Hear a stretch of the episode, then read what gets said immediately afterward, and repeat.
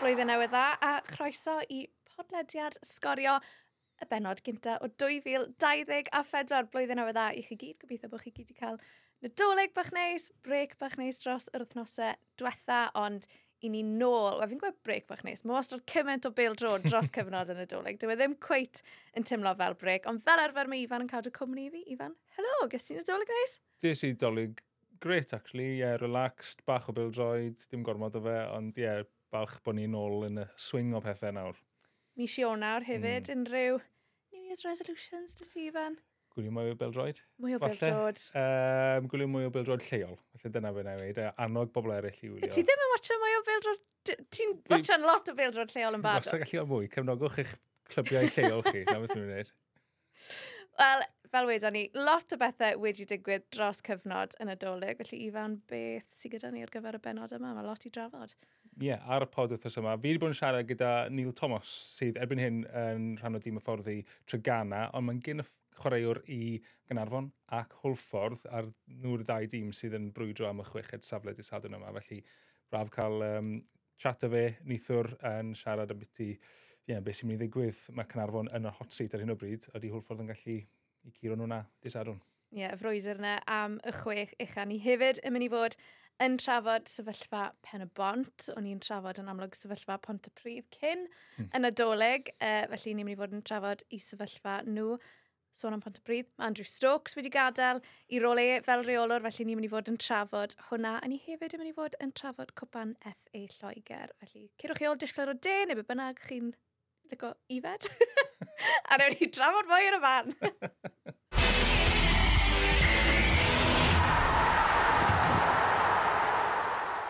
So am Copan FA, ie, yeah, nes i fynd i armwythig, dy syl, bach o late call-up i fi, um, a ti'n un o bobl gaff, goffod tynnu mas yn hwyr. Ie. Yeah. Nes i penwthnos bach wahanol. Gyf, mae gyfadde, nes i ddim gael yr penwthnos uh, delfrydol, der, der, oh, fi ffili siarad, delfrydol lan yn yr ymwythig, yn amffodus. O'n i lan y dydd Gwener yn cyfweld a Phil Parkinson, a wedyn, achos oedd y gêm yn gynharach ar y di syl, oedd pawb yn cyrraedd y gwesti erbyn nos sadwn, so ni benderfynus i aros lan yn yr ymwythig nos Wener, a nes i... Ie, yeah, trio bod yn iachus, wedi sy'n na fi ddim yn mynd i gael Greg's yn McDonald's, fi'n mynd i fynd i archfarchnad adnabyddus a prynu bit bach iachus i gael i swper a es i'n dost. Oh. A o'n i'n oh my gosh, o'n i'n really, really dost yn y gwely, yn y gwesti, yn yr ymwythig a Ie, yeah, ar ôl cael chat gyda'r cynhyrchydd wedi penderfynu bod fi ddim yn mynd i wneud y gêm. A wedyn, ges i... O'n i'n teimlo sori dros y ti. O'n i'n teimlo sori dros yn hir. O'n i'n sori bod mor dost yna am spel. O'n i'n mor gytid. O'n i'n really just cymlaen i'r gêm. Oedd i'n mynd i fod yn achlysur ffantastig, ymwythig, Wrexham, gymaint o hanes, cwpyn ar FA, wastod, wastod yn dwlu gweithio ar, ar gemau cwpan ar FA, maen nhw wastad yn eich afbwynt. Ie, uh, yeah, ond ddrifus i nôl i gyrdydd, mm. nos sadwrn, yn hwyr nos sadwrn, oedd hi'n touch and go, sori unrhyw un, os, os, os o'n nhw'n drifo tu ôl i fi, achos o'n i'n drifo fel 30 miles per hour yr holl ffordd nôl, achos o'n i'n meddwl o'n i'n mynd i fod yn dost. Ond ie, yeah, o'n i'n gwylio ar sofa, um, oedd yn eitha drist, ond nes i joio'r gêm a hefyd joio'r ffaith bod Wrexham wedi ennill. Mm. A dim ond fi mewn rwyt o halen yn brew, ond oedd yr awyrgylch na, Oedd e'n edrych yn ffab, o'n i mor gan figenis. Oedd, um, o'n i gweithio ar y botwm coch gyda Dave Edwards, mm. a oedd oedd e'n really braf cael fe arno. Mae'n siarad mor dda, a yn amlwg mae fe person perffaith i gael i siamt i am wythig. Oedd e fel fysa fe nabod pawb na. Oedd e'n bosib nabod fel 7,000 a hanner o bobl. Oedd e just, e, oedd e'n, o'n i'n edrych yn ymwneud cerdded trwy crowd, oedd e'n amhos. Mae fe fel mynd â Jonah i gemau uwch yng Cymru ti'n ffili mynd deg cam heb bod rhywun yn stopio. Fel mynd am yn gyr steddfod. Yn union, ie. Yeah. Fi'n cael am broblem na byd. Sôn am y gêm i fan yn amlwg o Tina, jyst am ganlyniad i Wrexham, achos oedd na bwysau i feddwl mae'r ymwythig cyngrair yw chi pennau nhw mm. hefyd, oedd Phil Parkinson di sôn cyn lot bod e'n gyfle da i weld yn gwmwys ble mae Wrexham, achos pawb yn sôn um, os maen nhw'n mynd i fynd lan unwaith eto, eleni bydde hwnna'n dipyn o gamp, a mae rai fi wedi o, o dim lot o be o'n i'n gweld ar y teledu, oedd e ddim yn edrych fel lot o wahaniaeth rhwng y ddoi dîm. Na, oedd e'n un rhyfedd, achos mae y momentum yn amlwg gyda Wrexham yn arfrig y cyngor mm. nhw a amwythig ddim ar hediad da iawn, ond o'n i'n gweld falle ar dechrau'r gym ti yn gweld amwythig bach mwy siarp, a falle achos bod nhw'n cystadlu ar lefel uwch a... Ond, a problem sydd gyda nhw yn y gyngor, bod nhw ddim yn sgorio lot, a ti'n gweld hynna, a cyfleoedd nath nhw greu, mm. bydde, falle Paul Mullin neu rhywun arall ar yr ochr draw, bydde nhw wedi sgorio, bydde nhw wedi dwy neu tair, Cym o Wrexham wedi gallu cael ei gol nhw, ond dangos tyd, a, a, bod nhw yn gallu gysadlu Wrexham, a wedi cadw am wythig mas er tipyn o bwysau gyda nhw ar rhai y degau. Um, a ie, yeah, ti'n goffo cael y bil na'n rhwyd a Wrexham gath i yn gymos. Ond maen nhw drwyddo i'r bedwaredd rownd, ond ewn ni sôn mwy am hwnna yn y man. Reit, Ifan, ni wedi sôn am sefyllfa Pont y Pryd yn barod mm. ar y hmm. pod yma. Mi oedd yn y benod diwetha, gaethon ni arbenigwr mewn i sôn am y sefyllfa. Felly os, felly os ych chi dal bach yn confused, dal yn trio cael eich pennau rownd y sefyllfa ynglyn â ffont y Pryd, mae fe werth i chi fynd nôl a gwrando ar y benod yna. Ond mae yna rhywbeth tebyg wedi digwydd gyda yeah. pen y bont dros yr wythnosau diwetha i fan. So, esbonia y gwmwys beth sy'n digwydd. Ie, yeah, mae'n un eitha rhyfedd achos mae fe yn debyg iawn mewn sawl agwedd achos mae yr un chwaraewr ynghlwm mm. yn y peth hefyd. Mae'r ma, ma specifics yn eitha gwahanol achos um, be, be, sut mae wedi digwydd, ond y cyhyddiad yn ebyn pen y bont yw bod nhw wedi torri yr un rheol, sef chwarae chwaraewr anghymwys. Ond beth yeah. sydd wedi digwydd yw Elliot Richards, sef un o'r chwaraewyr sydd wedi cael um, chwarae uh, yr anghymwys i bont y pryd, y uh, tymor diwetha, ebyn hyn gyda pen y bont. Uh, nath chwarae nebyn Aberystwyth, ond ar ôl i pen y bont wneud newid i rhestr A nhw, sef rhestr i prif garfa nhw, mm -hmm. nathon nhw methu a cyflwyno hwnna, neu ail gyflwyno rhestr A, i y gyngred yn unol ar rheolau. Felly, mae pen y bont yn dod allan gyda datganiad, a ar hyn o bryd na gyn ni'n gwybod, mae gen nhw tan dillu nesau i apelio, ond maen nhw wedi gweud, we're extremely disappointed with the decision um, to deduct three points and fine Penabont for an administrative oversight which afforded no sporting advantage whatsoever. Dyna ei geiriau nhw. Uh, ond maen nhw yn edrych ar os oes yna ffordd i apelio, neu os oedden nhw'n mynd i apelio. Felly gen i weld beth y gwyddith ffynna, ond mae hwnna'n rhoi rhyw bach o um, cwestiwn, mae'r cwestiwn dros uh, y ras am chweched safle, achos os bydden nhw heb colli'r triffwynt yna, um, bydden nhw o bosib yn, yn, yn, yn y sgwrs gyda Neil Gysi um, nithwr, bydden ni wedi bod yn siam i nhw hefyd, ond Jess Cynarfon a Hwlffordd sy'n ddi ar hyn o bryd, os oedd Bapen Bont yn cael eu pwyntio nhw nôl ar ôl y pêl, Wel, mae hwnna'n opens a can of worms. Ie. Yeah. Yw hwn yn wahanol felly bydd y gwyddoedd i nhw tymor diwetha, achos gollon yeah. nhw Do, Chwe phwynt yma'r diwetha, dy fe. Gallen chwe cheffwynt, oedd hwnna am y rheol sydd nawr bellach ddim, yn bodoli, sef am ti defnyddio chwaraewyr, um, angen defnyddio dim mwy na tri chwaraewyr sydd ddim yn academy. Okay. Fel eilydd. Okay. So, oedd am ti eilyddio gormod o chwaraewyr um, senior oedd y rheol yna, felly mae'n bach wahanol. A ti'n edrych ar y, ar y, y charge sydd wedi dod wrth y, y gyngred, ti yn gallu weld, mae fe yn edrych fel administrative error fel mae okay. pen y bont yn gweud, os yw'n e jyst am biti ail gyflwyno rhestr sydd wedi cael ei... So, ed...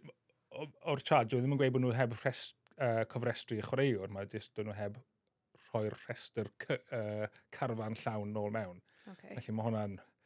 Fi, siŵr newn nhw dadlen erbyn e, ond well, mae'r... Ma, fel ni wedi gweld wrth pethau pont y prif, so, mm. diwawyr beth yw'r penderfyniadau sy'n dod cawn weld beth sy'n digwydd o ran pen y bont dros yr wythnosau nesaf. Cyn i ni symud mlaen, Ifan, sôn am Pontypridd, mae rheolwr, mm. mae rheolwr Andrew Stokes wedi gadael i swydd.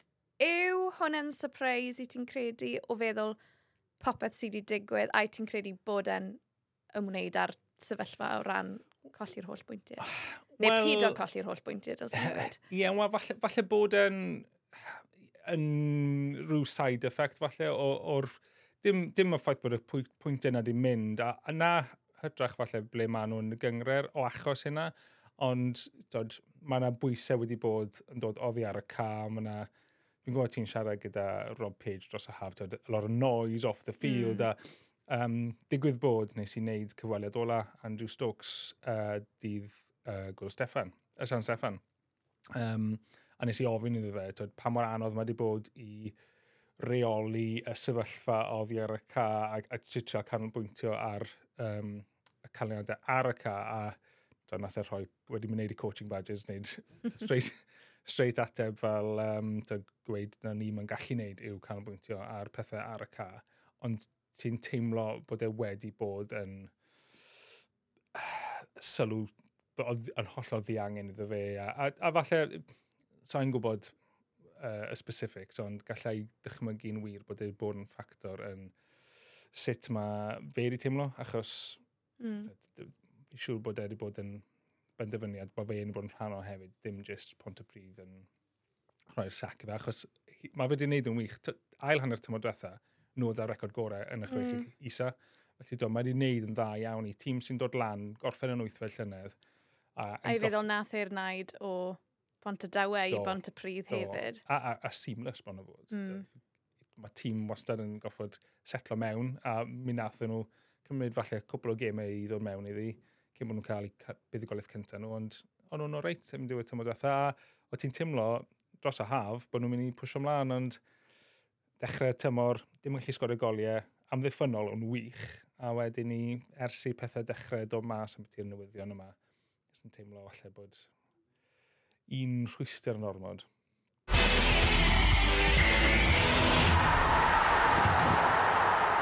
Wel, wrthnos yma fel i ni wedi sôn, ni wedi cael sgwrs gyda Neil Thomas, cyn chwaraewr Hwlffordd a Chynarfon i drafod y ras rhwngddyn nhw i gyrraedd y chwech ucha. Fydd yn cael ei benderfynu dydd Sadwrn yma. Mae Neil hefyd yn rhan o dîm hyfforddi clwb Trygana, felly fe nath e, ac Ifan cael sgwrs o ran fel mae tymor nhw yn mynd hyd yn hyn yng ngyngrau'r ardal y de o'r llawen. A dyma oedd y sgwrs rhwng Ifan a Neil.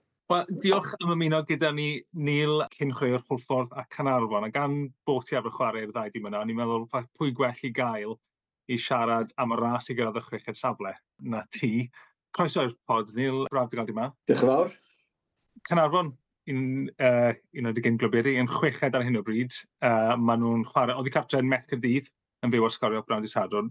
Hwlffordd dau bwynt tu ôl iddyn nhw, uh, felly rhaid iddyn nhw giro'r bala ar ddol y bont i Sadron a gobeithio bod Met cyrdydd yn gwneud ffafra nhw yn ebyn Canarfon. Ni'n tymod diwethaf, tro cyntaf Gynarfon beidio gorffen yn y chwech ucha ers iddyn nhw gael dychafed i'r uwch gyngred. Ac fe dechreuon nhw'r tymor yma fel tîm gyda pwynt i'w brofi yn do. Do, to, chwarae teg i, i, i Rich a Fish, lle, ond mod i oedd pawb yn barnu fo, so, yn yr ha, a dechrau tymor, tymor, dechrau tymor gwych i fod yn onast. Um, lot gwell na, oedd pawb di sort of rhag dybio. Um, a pethau ddim mynd lawr all ers hynny. Uh, Mae'n ymwnd i ennill dwy uh, gêm, dwy allan o'r wyth gêm ddwytha. So, so, ia, yeah, ond on dal ceffyla blaen, ar hyn o bryd i orffan yn y chweched safle. Ie, yeah, diddorol ti gwir yna, achos cwbl o thnosau yn ôl, byddwn ni ddim yn meddwl bod y ras dal yn fyw ar hyn o bryd. Mae'r canlyniad na ddigwyddodd uh, dros cyfnod yn adolyg gyda uh, Hwlffordd yn curo Cnafon ar yr ofal, a hwnna mor bwysig, a gallai hwnna fod y gwaniaeth yn y momentum, gallai fe? Ie, yeah, mae'r ma, ma, ma sort of y cliché, six-pointer, a adeg ynni, so allai bod i ddim gymaint. Ond, ia, un gol i ddim, dwi'n meddwl, oedd y canlyniad. Ac, ie, las, las o honna wan, bod, bod yn gêm allweddol tyd yn, yn, yn pwysyn gorffan yn y chweched safle. Pwy'n gallu creu sioc i, i wel, burst y bybl Cynarfon pen wythnos yma, Hwlffordd. O ti'n sylwebu ar ei gêm nhw uh, dros y haf yn erbyn Sgindia, ond Ar saib y welest di wrthyn nhw yn Ewrop, o ti'n disgwyl gwell wrth Hwlffordd tymor yma?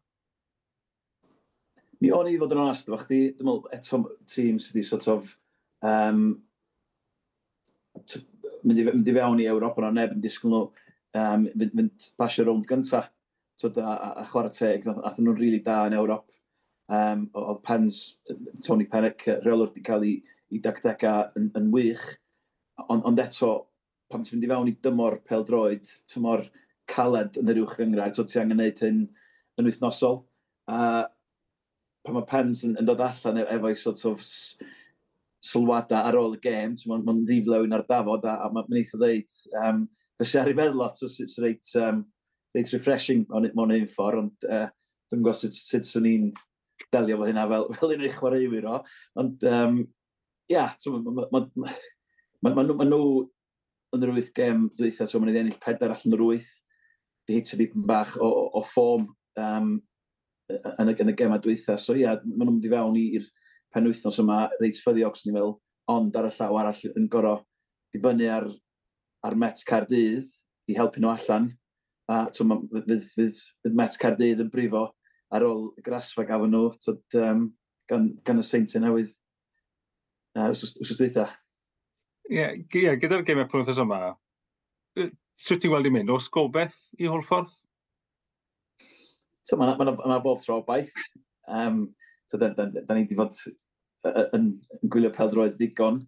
Um, yeah, so, pam im, so, ma, ma, ma, os o'r Saes, it's, it's a tall order so, i, i, i gyro ag ennill um, erbyn y bala uh, er bod nhw, bod nhw adre. Um, mae ma, Gynarfon eisiau trafeilio lawr yr uh, rap 47 dim i, i, i herio Mets sy'n sy mynd i fod yn, yn sort of ryw yw anifal sydd wedi anafu. Dwi'n meddwl bod nhw'n mynd ddod allan a fydd un o'n cyn cyn chwaraewyr efo fi lawr yn Hwlffordd, Craig Hanford, sy'n bellach yn isreolwr yn Met Cardydd, fel am ddiffynwr, fydd o ddim yn hapus o gwbl tyd, ar, ar ôl um, cychwyb dyn gan, gan, gan y seintiau. Ie, yeah, mae ma hwnna'n tricky wenw ar ôl colli wyth i ddim. Ceri bod nhw'n lot o anafiadau gyda Met Cardydd So, gen i weld sy'n maen nhw'n gallu taro nôl, a maen nhw'n mynd i fod yn beryglis. O'n i fel, nes i sylwebu ar Cnafon yn erbyn y bar i gynt yn y tymor, a un o'r pethau ni'n gweud cyn y gêm oedd rhediad uh, Cnafon yn erbyn tîmau pan maen nhw oedd i cartre yn y di. Oedd nhw'n just record diweddar ddim yn dda. Ond, nath nhw giro bari yn rili really gyfyrddus.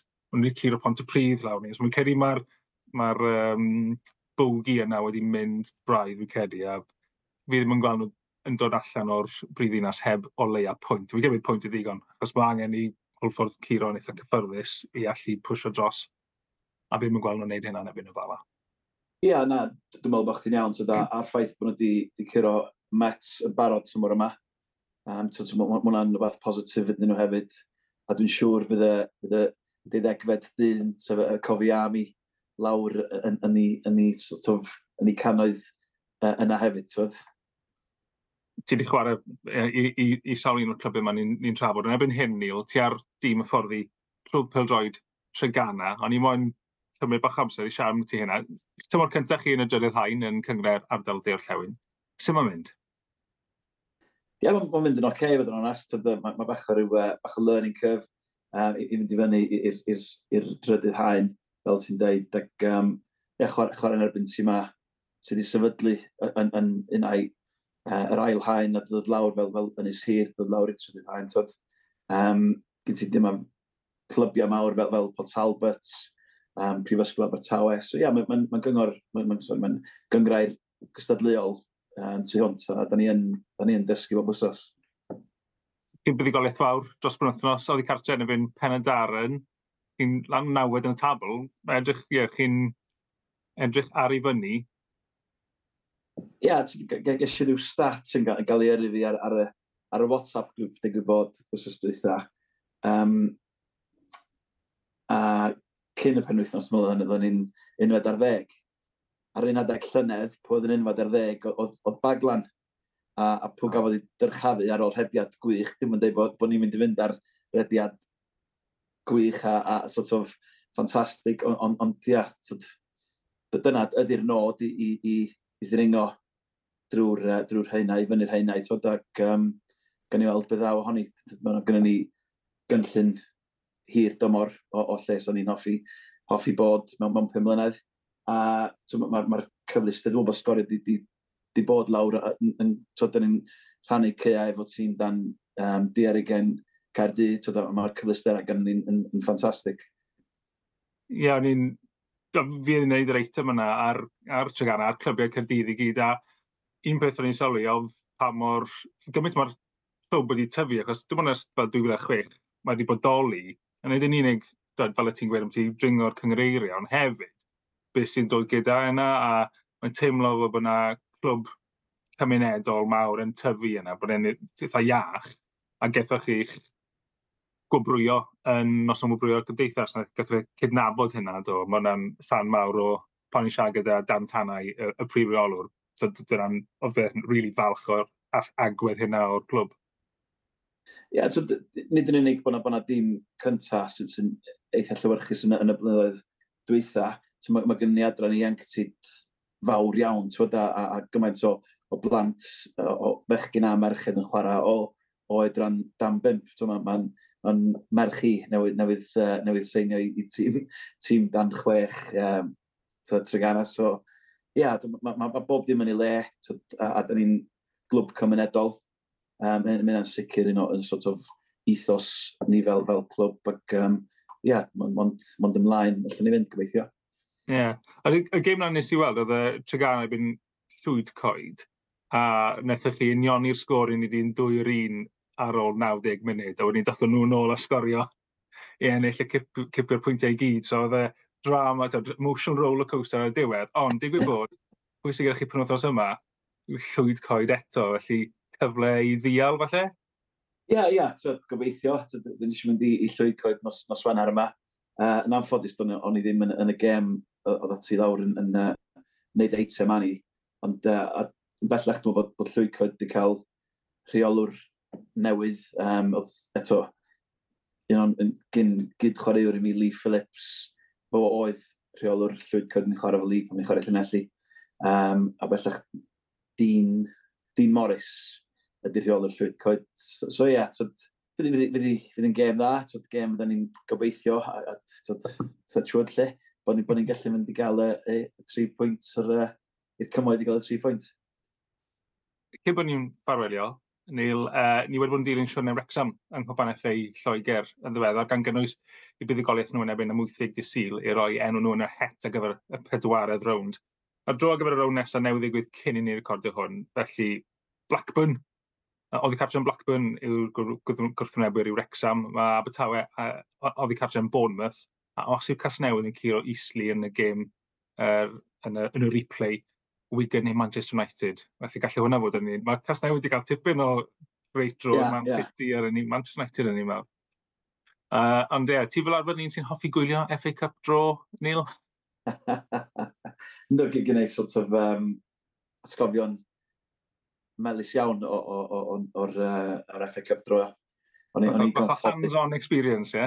Ie, o'n i gonfodus 2011 bellach um, i, i gael rhywun o, o, o FA Lloegr yn, yn ffonio fyny sort of mis, mis rhagfyr ac yn gofyn o beth ti'n neud ar, ar no, enfed ar ddeg o, o, o Ionawr fath felly oedd adeg yna ac um, nes i ddod sgyn i'n byd yn, yn, yn, yn y dyddiadur pam pwy sy'n yma ac yn y blaen y ddod so so o, o gymdeithas Beldroed Lloegr sy'n licio chdi gymeryd rhan yn, yn, yn, yn so beth gyntaf nes i, o ia, oce, okay, whatever, un o'r boys yn, yn tynnu coes, a si ffôn lawr, o fewn, o fewn sort of 30 eiliad, oedd y ffôn yn mynd eto o'r un rhywun mol.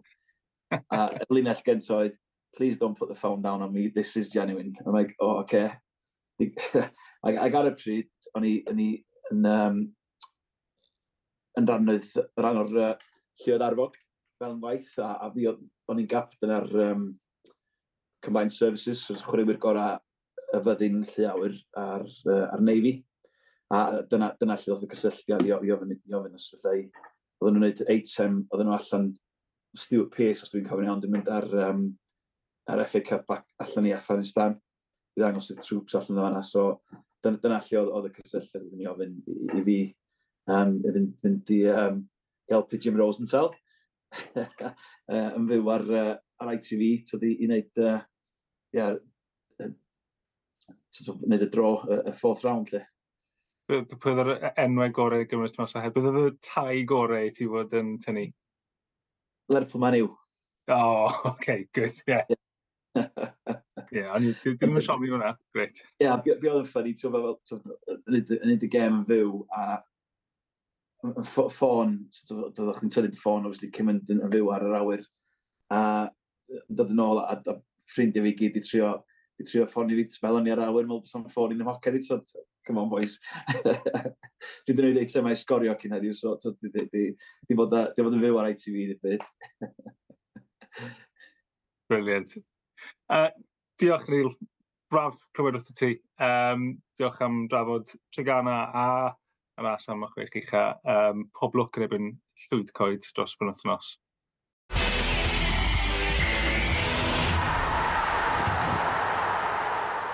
really braf gwrando ar Neil yn siarad. Wedi y stori na'n byty tynnu enw allan o het ar gyfer cwpan FA. Uh, y Manchester United-Liverpool game na. uh, is i edrych weld beth y gwyddoedd. Hwna dd'r un lle nath uh, Ryan Giggs gorio cic o smotyn ar ôl dau funud ar y cloc a Stephen Gerrard cael cerdyn coch. Uh. Manchester United yn mynd mewn trwy ddo. I'r o'n nesaf, felly ie, yeah, amlwg yn tipyn o uh, ornes rhwng y ddau dim yna, un o'r classics. A mae'r enwau mas o'r het ar gyfer y rownd nesaf, felly Cyrdydd ar ôl i colled nhw, maen nhw mas o'r copan. Abertawe, byd nhw'n teithio i Bournemouth yn y rownd nesaf. Ifan o ran clybiau Cymru, cas newydd, o bosib os maen nhw'n ennill i replay nhw Manchester United yn dod i Rodney mm. Parade. A pan ti'n meddwl am gas newydd yng Nghwpan yr FA, maen nhw yn aml wedi croesawu'r clybiau mawr i Rodney Parade. A maen nhw wastad yn lygo cael go arni, nag nhw. Ond nhw'n gwneud mor dda, Caerlir, ond nhw dim ond be, cwbl o tymorau cyn i'r ennill uwch uwchyngar Lloegr, Ciro nhw. Uh, neud yn oce okay, yn mynd Man City, fi'n gwybod golla nhw. Um, a cwbl o tymorau cyn i, Leeds, Ciro Leeds, a wedyn ni mynd â Spurs i'r replay. Felly, ie, yeah, mm. maen nhw'n um, Maen nhw'n licio'r gemau yna. Maen nhw wedi llwyddo i cael y gemau. Mae hwnna'n un peth, achos dim pob un yn cael y glamatise. A ti bron yn mynd, dim bod fi'n mynd yn re-excited, achos yn amlwg maen nhw'n gorfod uh, middi isli yn y gêm nesaf. Uh, ti bron yn meddwl, os ti'n mynd i wario un o'r clybiau mawr, Man United yw'r mm. tîm ti moyn wario ar hyn o bryd o ran y tymor maen nhw'n cael. Ie, yeah, ie, yeah, mae fe yn, ond hefyd, so, o ran enw... Sa'n gweud bod nhw'n mynd i myddi Man United, gyda cyn bod pobl yn dechrau werthu'n yna fi a meddwl mae Sean a David i colli plot. Ond mae nhw'n enw sydd just, ti'n cysylltu nhw gyda bod yn llwyddiannus, mwy na Man City ar hyn o bryd, falle, mae'r ma hanes na gyda Manchester mm. United. Mm. Wel, falle fi'n gyda bias achos pan o'n i'n tyfu lan, nhw oedd yn ennill yr FA Cup. Mm. Um, yeah, mae'r... Mae hwnna'n tai really juicy. Ond mae fe hefyd yn meddwl bydd Eastley yn sicr mm. up for it yn yr replay na. Felly mae nhw'n mynd i fod yn un o'n fwy peryglis na beth bydden nhw wedi bod os bydde ti'n chwarae rhywun fel Blackburn neu Bournemouth. Ie. yeah. A hefyd fi'n meddwl am ein ffrindiau i'w cyngrair Cymru ni fel Will Evans a Nathan Wood. Oh. Di mynd o warau yn erbyn Aberystwyth i o bosib hey. warau. No offence Aberystwyth.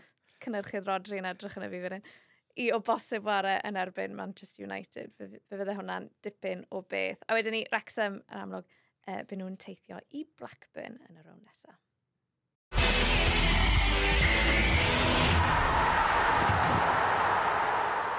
Uh, beth arall ni'n siarad gyda um, Neil Amlwg oedd beth i cyngreir ardal, so ni'n meddwl bod ni'n cymryd y cyfle yma yeah. i o ratlo trwy beth sy'n digwydd yn yr er trydydd hain, achos ni ddim yn siarad am ti fe mor aml a hynna. Mm -hmm. Felly, um, ar cyngor ardal de o'r llewn yr un lle mae Tregana. Ar y brig, mae yna dri tîm o fewn pwynt i gilydd. Mae de gwyr ar y brig, a maen nhw wedi bod yn neud yn dda yn Cwpan Cymru. Nath nhw mynd i rown diwetha, gath nhw curo da mynydd y Flint. Mm -hmm. Felly mae nhw ar y brig, mae Cefn Cribwr yn ail ar yr un faint o bwyntiau gwaneth goliau, a wedyn ni Prifysgol Abertawe, sy'n newydd gwmpo lawr at y gyngor yna, maen nhw pwynt tu ôl.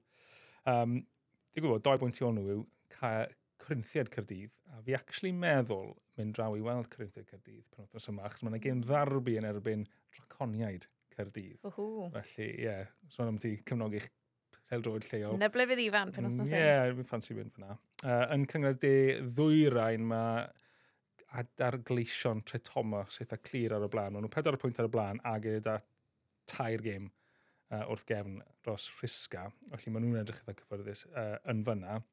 Yn y gogledd, wel, neu falle yn y canolbarth, achos yn y cyngred gogledd ddwyrain, mae Penryn Coch ar y top. Nhw'n newydd cwmpo lawr o cyngred, uh, cyngred y gogledd, mae nhw uh, ar y brig yn fyna, a wedyn ni yn cyngred gogledd o'r llewn, mae Clwb Peldroed y Rhyl nath jyst fethu allan ar llefydd yn y gemau algyfle tymor diwetha, mae nhw'n eitha cyfyrddus, 8 pwynt ar y blaen yn fyna. Thing i fe edrych fyna yw y nawfed safle gyda lot o gemau wrth gefn yw mynydd y Flint sydd amlwg yn mynd i chwarae mm. yn uh, rownd wyth ola Cwpan Cymru. Felly, ie, yeah, tipyn o tîmau da ac ystadleol sy'n edrych i bwysio lan i yr ail hain yn fyna.